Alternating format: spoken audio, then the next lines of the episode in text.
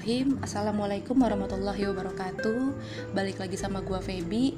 Jadi sebenarnya ini adalah podcast yang udah pernah gua upload sebelumnya. Cuman gua re-upload lagi karena masih banyak hal-hal yang menurut gue perlu diperbaiki gitu. Nah sesuai dengan yang teman-teman lihat di judulnya gue bakalan sharing-sharing seputar hidup minimalis atau minimalism lifestyle gitu kan. Yang belakangan ini rame banget nih diperbincangkan. Tapi sebelum mulai perlu digarisbawahi ya bahwasannya gue bikin ini bukan karena gue seseorang yang udah expert dalam minimalis minimalism gitu. Gue juga nggak punya background yang kuat terkait hidup minimalis ini. Cuma di sini gue mau berkaca dari apa yang sudah gue apply di kehidupan gue aja langsung aja kita masuk ke topiknya ya. Jadi sebelum rame banget tentang gaya hidup minimalis ini sebenarnya gue udah sering denger kata minimalis itu sendiri. Tapi bukan gaya hidup lebih ke desain arsitektur gitu kayak um, desain rumah minimalis desain kantor minimalis gitu. Yang gue tahu hanya sebatas itu aja.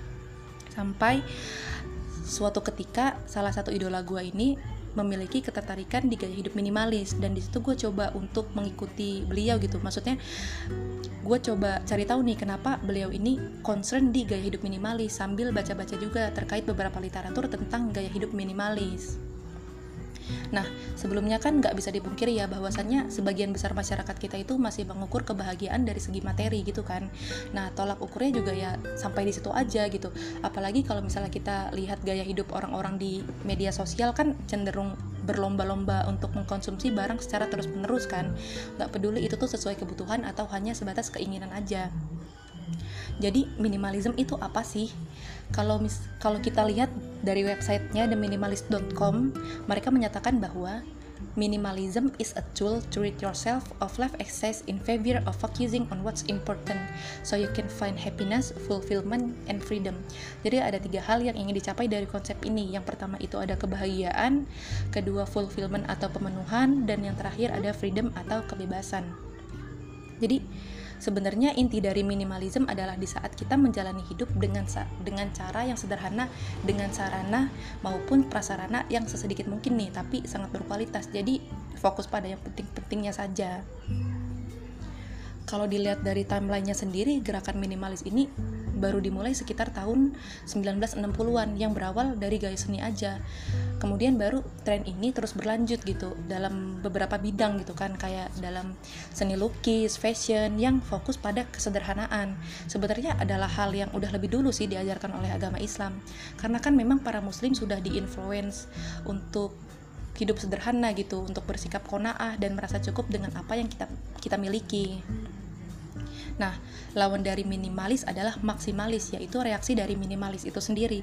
Maksimalis beranggapan bahwasannya sesuatu yang lebih sesuatu yang lebih ini memiliki nilai estetika yang tinggi. Gampangnya gini, kalau minimalis ini slogannya less is more, kalau maksimalis more is more. Jadi, mereka menekankan kepada sesuatu yang berlebih gue pribadi memiliki ketertarikan dan kecenderungan lebih di gaya hidup minimalis. Mungkin karena gue juga seorang muslim ya dan gue punya panutan yaitu Rasulullah. Beliau itu cuma punya tiga baju aja dan di situ tuh sudah sangat menggambarkan betapa sederhananya beliau. Dan gue merasa terdorong karena kesederhanaan mencerminkan nilai-nilai Islam. Terus juga kan kalau kita mau flashback sedikit tentang kisah hidup orang-orang terdahulu tentang kesederhanaannya contohnya kayak kesederhanaan Khalifah Ali bin Abi Thalib gitu yang suatu hari Suwaid ini pergi menemui Khalifah Ali bin Abi Thalib. Nah, Suwaid ini mendapatkan Khalifah Ali bin Abi Thalib ini sedang duduk di atas sobekan karung yang sudah usang gitu kan. Karena ngelihat pemandangan yang ganjil di mata Suwaid, Akhirnya Suaid ini bertanya, engkau adalah penguasa umat Islam dan pemilik Baitul Mal gitu. Kenapa engkau duduk di atas karung yang usang ini?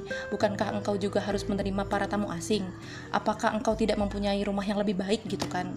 Terus Khalifah Ali ini menjawab keheranannya Suaid. Ini, wahai Suaid, orang bijak itu tidak terikat dengan rumah yang pada akhirnya akan meninggalkannya. Di depan kita ada rumah abadi, ke arahnya lah kita harus pergi gitu, masya Allah. Nah, pertanyaannya, apakah sekarang gue termasuk orang yang sudah menerapkan gaya hidup gaya hidup minimalis itu sendiri?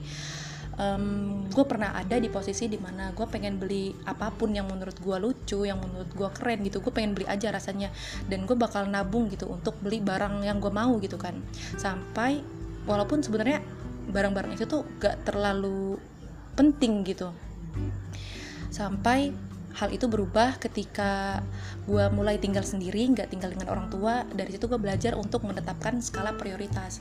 Gue belajar nih melihat apa sih yang sebenarnya harus gue miliki dan apa yang harus gue beli gitu. Dan alhamdulillah dari situ ke bawah walaupun sampai sekarang gue juga harus belajar karena gue masih suka hilaf.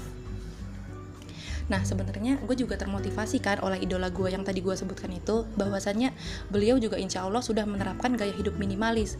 Karena berusaha untuk hanya memiliki pakaian gak lebih dari 15 pieces gitu. Udah semua pakaian udah pakaian tidur pakaian keluar gitu. Pokoknya total totalnya itu 15 pieces gitu. Dan saat tahu itu gue mikir bahwasannya ini adalah hal yang mustahil untuk diaplikasikan ke dalam hidup gue cuma akhirnya gue coba bongkar baju-baju gue dan mulai gue sisihkan seperlunya.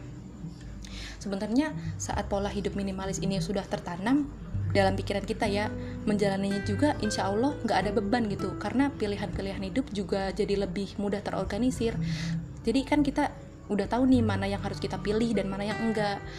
Gampangnya gini kalau misalnya kita mau milih pakaian pakaian yang akan kita genakan gitu ya pernah gak sih teman-teman khususnya teman-teman yang perempuan ya pernah gak sih kalian tuh menghabiskan waktu puluhan menit atau bahkan sampai berjam-jam berjam-jam hanya untuk memilih pakaian apa nih yang akan gue gue kenakan gitu kan?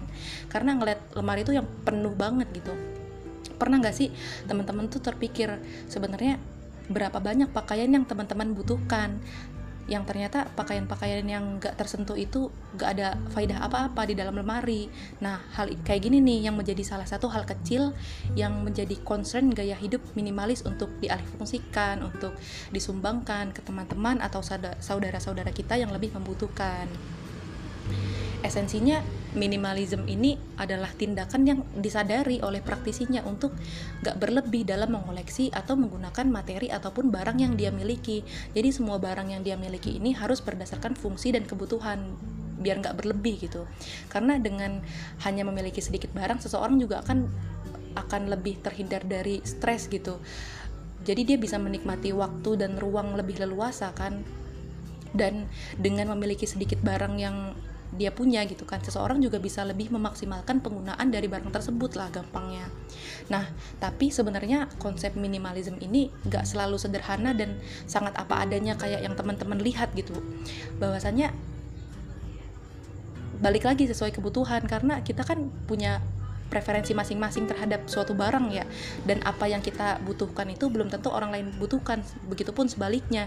Jadi jangan pernah beranggapan bahwasannya seseorang uh, misalnya seseorang itu punya barang banyak lebih banyak dari kita udah pasti dia adalah seorang yang maksimalis gitu. Nggak gitu ya karena kan kebutuhan tiap orang juga beda-beda dan seseorang nggak lantas menjadi maksimalis selagi nilai gunanya masih mendominasi. Jadi misalnya gue gue punya sendal banyak nih gitu terus nggak lantas gue ini maksimalis kalau misalnya nilai gunanya masih mendominasi. Mungkin aja karena kebutuhan kayak misalnya pekerjaan gue yang mengharuskan gue untuk untuk gonta-ganti sendal mungkin gitu ya.